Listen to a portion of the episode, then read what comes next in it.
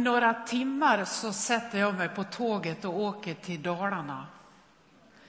För var vill man vakna imorgon bitti om inte i Dalarna? Kristus har uppstått från de döda och igår hände det andra undret i mitt liv. Mitt i påskaftonen så skedde det som gör att jag bara måste till Dalarna idag. Jag bara måste dit. Det är nämligen så att efter sju års harvande, det sjunde året är ju jubelåret, det är väldigt bibliskt. Efter sju års harvande så är äntligen Leksands IF i elitserien. Tack! Tack för uppmuntran! Vi möts i Skandinavium. Ja, då säger vi möts på vägen mot Emmaus, men jag tror jag säger idag vi möts i Skandinavium. För det är nämligen så att jag har flyttat till Göteborg och nu får jag ju äntligen se detta levande i Skandinavium. Och då var det någon liten käck människa som sa till mig igår när jag sa nu äntligen får jag se riktig hockey också i Göteborg. De sa, ska du bara bo här en säsong? Jag bjuder på det också. Jag hoppas det blir längre. Kristus har uppstått från de döda och mm, därför åker jag dit. Jag har fått vara med er under den här påskhelgen. Vi började i torsdags med en skärtorsdagsjazz. Och långfredagen var vi tillsammans här och idag är det påskdagen. Hela detta dramatiska som är påskens budskap. När jag läste till pastor då gick jag på Lidingö på teologiska seminariet. Jag gick bara ett år för jag var väl för svår att forma kanske, jag vet inte. Men sen blev det högskola och flyttade över till Bromma. Men det sista året där så gick jag med dem som gick sitt fjärde år. Jag gled liksom in där på sidan.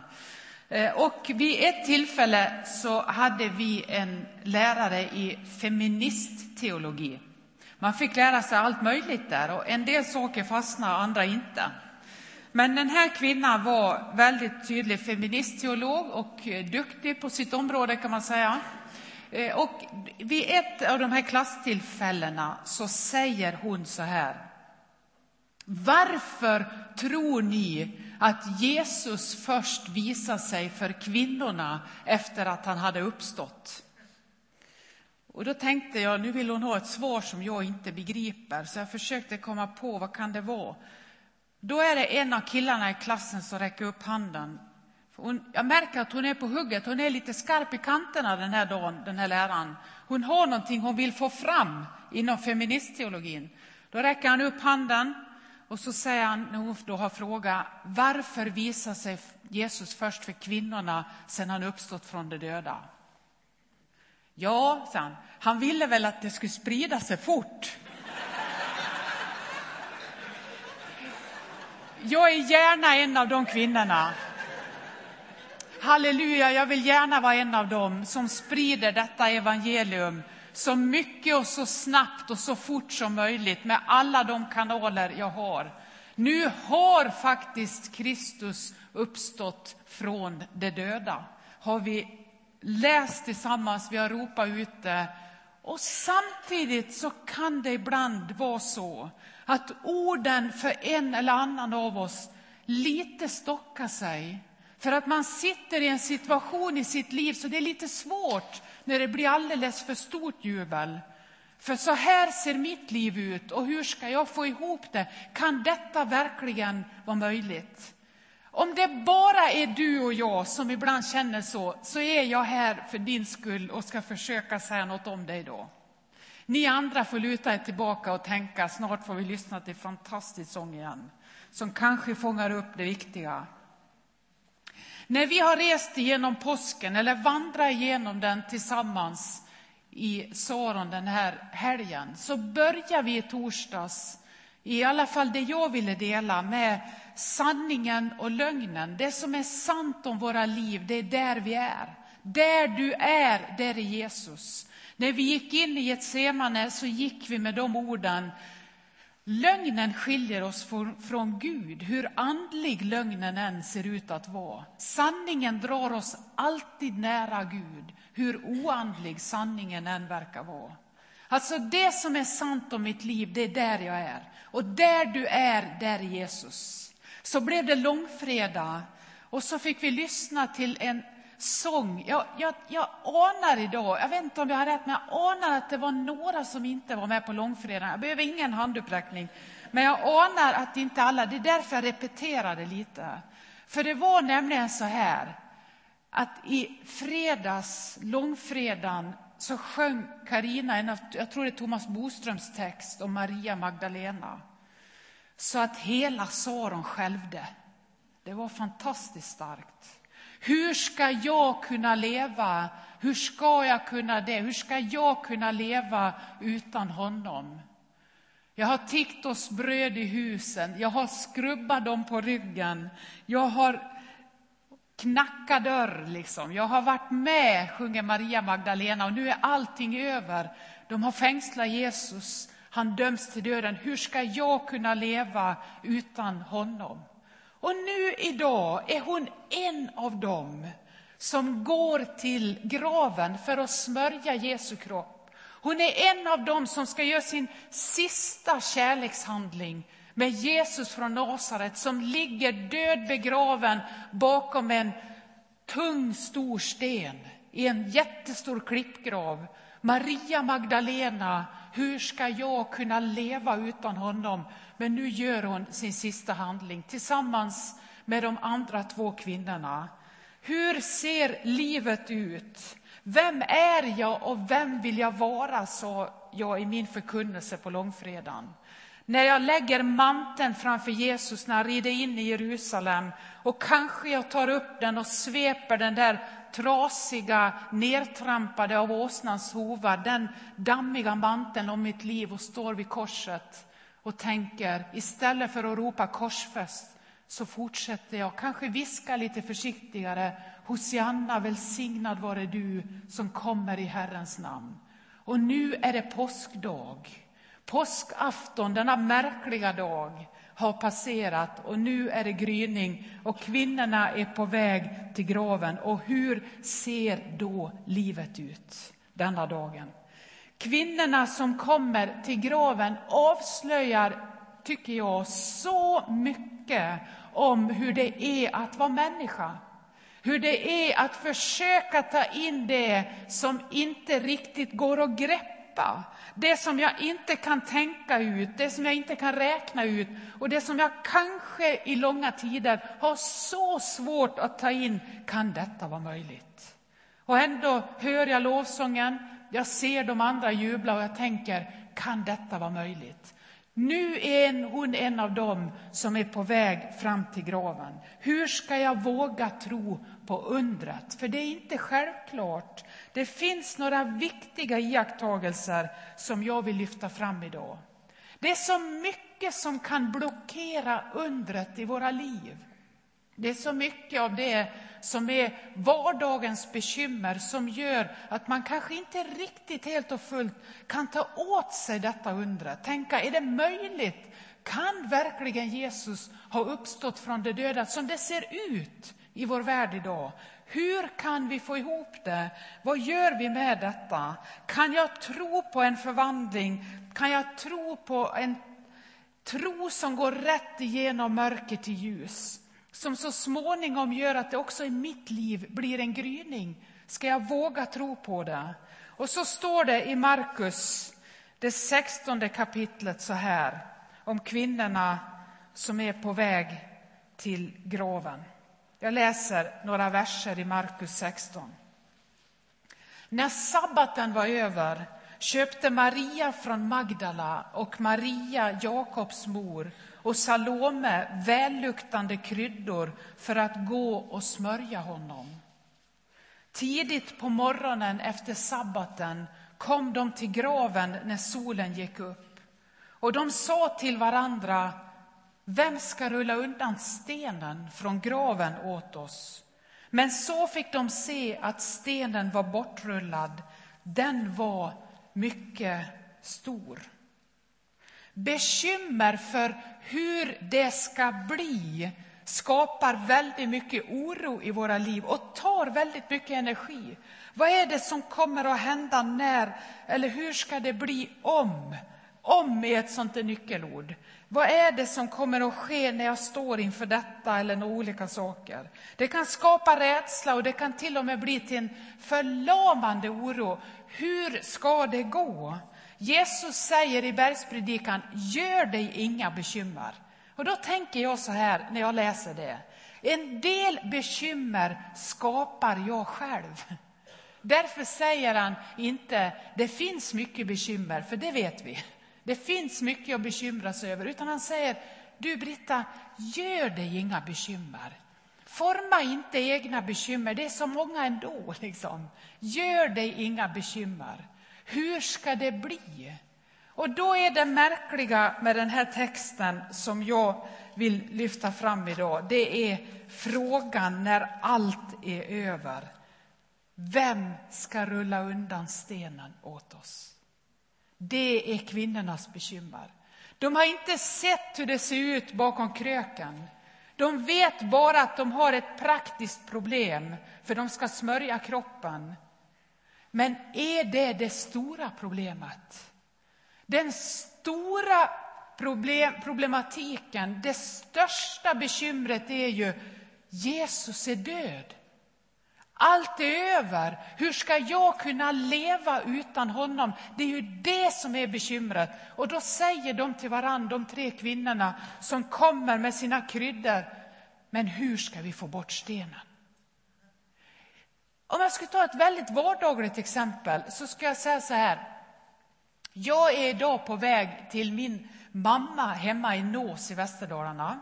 Förutom att jag ska jubla över hockeysegern så ska vi hjälpa henne till ett serviceboende.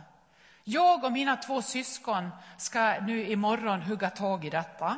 Och så ska vi flytta henne från en vanlig lägenhet till ett bättre boende. Då kan jag tänka så här. Eh, jag märkte att jag vaknade med det mitt i denna postdag idag, så tänkte jag, men vem ska flytta dalaskåpet? Hur ska vi orka? Hur ska vi få till det med skåpet? Får det verkligen plats i servicelägenheten? Vem ska bära det skåpet? Hur ska vi få ut det och in i hennes nya lägenhet? Det är ett bekymmer jag har när jag sätter mig på tåget idag. Ett större bekymmer, det är det jag är lite för ängslig för att säga. Och det är, kommer du att trivas i den här lägenheten? Vill du verkligen detta eller är det vi som vill det? Kommer det att bli tryggt för dig? Blir det till din hjälp och glädje att få bo i det sammanhanget istället för där du bor nu? Men det är lite svårare. Det gör lite mer ont, för tänk om hon inte vill. Och vi har gjort i ordning och ordnat allt. Nu tror vi att hon vill och har försökt förankra detta. Men då kan jag fundera, hur ska vi få till det? Kan vi koppla in det och går det här bra och hinner vi på två dagar? Och bla, bla, bla. Och egentligen är det stora bekymret, vad händer när hon kommer fram? Vad händer när hon är där? Kommer hon att bli glad i detta? Blir det bra? Och så ska jag kunna räkna upp ganska många sådana. Vem ska rulla undan stenen? När vi inte riktigt vågar möta rädslan över, tänk om detta inte är sant. Då kan vi istället växla ner det till småmynt och göra oss bekymmer över andra saker. Det är kvinnornas väg fram till graven. Vem ska rulla undan stenen? Vem ska lösa detta? Istället för att möta också i våra liv det svåraste så fokuserar vi ibland på lite andra problem för att slippa det. Att inte orka ta in, hur ska jag kunna fortsätta utan Jesus? Det är ju kvinnornas stora bekymmer. Och det var det som gjorde att hela Saron skälvde när vi insåg, kanske jag också är en Maria Magdalena. Hur skulle jag orka leva utan honom? Igår var det påskafton. För i maj månad, för några månader sedan då, så gjorde jag en retreat som var 30 dagar lång. Den kallas för Ignatius andliga övningar. Den kan man göra, man får gå en fyra, fem veckor tillsammans med en andlig vägledare. Man ber igenom Bibeln. Man kan säga att man ber igenom Jesu liv i evangelierna. Man ber ifrån bebådelsen fram till Emmaus och följer Jesus hela vägen. Och så låter man detta drabba sitt eget liv under de här veckorna. Och man går igenom en ganska tydlig ram och så de här samtalen. I övrigt är det tyst. Och så vandrar man då, jag var i Norge och gjorde den. Och så småningom efter tre veckor i en sån retreat, då kommer man fram till påsken. Då kommer Getsemane och så kommer långfredagen och sen kommer påskafton. Och det är den märkligaste dagen av alla. Då när man kommer till den man har samtal med varje dag så säger hon så här till mig när jag kommer med mina tankar, funderingar, med texterna jag har läst. Idag får du göra vad du vill, vi har ingen vägledning. Du har ju själv varit med och begravt Jesus, han är död. Jesus är död, vad gör du nu? Fundera över det denna dag. Och jag kände att jag ville gå vidare. För någonstans så tänker jag, nej men han har ju uppstått. Och så, nej men nu, känn efter, vad gjorde det med ditt liv om detta var sant? Om Jesus är död, vad gör du då? Han är begraven. Något av den upplevelsen har ju kvinnorna med sig när de ska gå och smörja Jesu kropp. Något av den upplevelsen kan en och annan av oss ha när livet inte blir som vi har tänkt oss. Och vi känner, jag får inte ihop det. Så är det något av, vad händer bakom kröken? Vem ska hjälpa mig med detta? Hur ska jag lösa det? Och då tänker jag istället kanske ett litet praktiskt bekymmer, så slipper jag möta, tänk om inte detta är sant. Tänk om det inte är så att Jesus har uppstått från de döda. Och så går kvinnorna fram och så går vi tillsammans med dem hela vägen fram till graven. Och då vill jag säga så här, vad hindrar oss att komma åt de stora rädslorna? Vad är det som gör det? I vers 5 så står det, men så fick de se att stenen var bortrullad. Man klarar mer än man tror. Det är jag ganska övertygad om att det är många som har den erfarenheten. När jag har funderat och du över hur ska jag lösa detta när jag kommer liksom fram till den där stenen som blockerar undret i mitt liv. Så när du är där, då går det. På något märkligt sätt så är stenen bortrullad och någon hjälper dig eller det löser sig på ett eller annat sätt. Det ordnar sig. Men det som sker innan är att jag lägger väldigt mycket tid på att bekymra mig. Gör dig inga bekymmer, säger Jesus. Till dig och till kvinnorna säger han så. Gör dig inga bekymmer, för när du kommer fram så går det. Jag som ibland får följa människor som blir ensamma av en eller annan anledning. En relation som går sönder, ett dödsfall, en sjukdom. Och så tänker jag ibland så här, nu ska jag avslöja kanske något ni inte tror, men jag tänker när jag möter någon som har blivit ensam efter ett dödsfall Kanske jag har haft begravningsgudstjänsten och så tänker jag, men hur ska du klara detta? Hur kan vi klara att fortsätta leva när den vi älskar har försvunnit ur våra liv? Hur ska du klara det? Och så följer jag denna människa under en längre tid på olika sätt. Och så blir jag så förundrad. Jag tänker, detta är uppståndelsen. Att det går, men det tar lång tid. Det kanske är så att jag inte jublar, halleluja, Kristus har uppstått, fast jag vill våga tro det. Det tar lång tid för sorg att vändas i glädje. Det kan ta ett helt liv. Det tar olika lång tid, men det förunderliga är att jag märker på så många vackra människor att det går. Att man harvar sig fram, att man sliter sig igenom minut för minut, dag för dag, vecka efter vecka och så plötsligt har det första sorgeåret gått. Och så har det gått fem år och så har det gått tio år och så ser jag många, många, många människor resa sig och fortsätta sitt liv på ett eller annat sätt. Och ganska ofta är det helt okej. Okay. Även om man bär ett ärr som aldrig går över så är det som att man orkar leva vidare. Det blir inte när man kommer fram till den där oron så som man har tänkt sig. Men det är väldigt lätt att ändå fundera, hur ska jag lösa det när jag är framme? Stenen var bortrullad när kvinnorna kom fram och graven var tom. Men de hade inte kunnat räkna ut det fast de ändå hade fått veta det. Det är så det kommer att bli. Vi vet inte vad livet bjuder, men på vägen fram så kan vi ibland öva oss i att säga Herre, ta hand om detta. Jag har ingen aning och jag vill inte lägga för mycket energi på det. Se till att det går bra. Hjälp mig, skapa det jag inte själv kan. Och ibland så kommer det, som jag brukar säga, från vänster in. Det som blir undret, att någon plötsligt är där som jag inte har kunnat räkna ut. Men det är att förlora kontrollen. Det är att tappa kontrollen om sitt eget liv och säga, jag litar på att du hjälper mig när jag kommer fram. Stenen är borta och graven är tom. Och då sker detta som lär oss så mycket. Och det skulle jag också vilja få säga till dig och till mig idag. Och ni andra lutar er fortfarande tillbaka och njuter av Leksands seger. Men till dig och till mig så ska jag vilja säga så. När de kommer in i den tomma graven, ser linnebindlarna ligga där och vet och förstår eller anar han kanske har uppstått. Då är deras starkaste känsla, de är rädda. Det står att de är förskräckta. För den som möter dem säger, var inte förskräckta.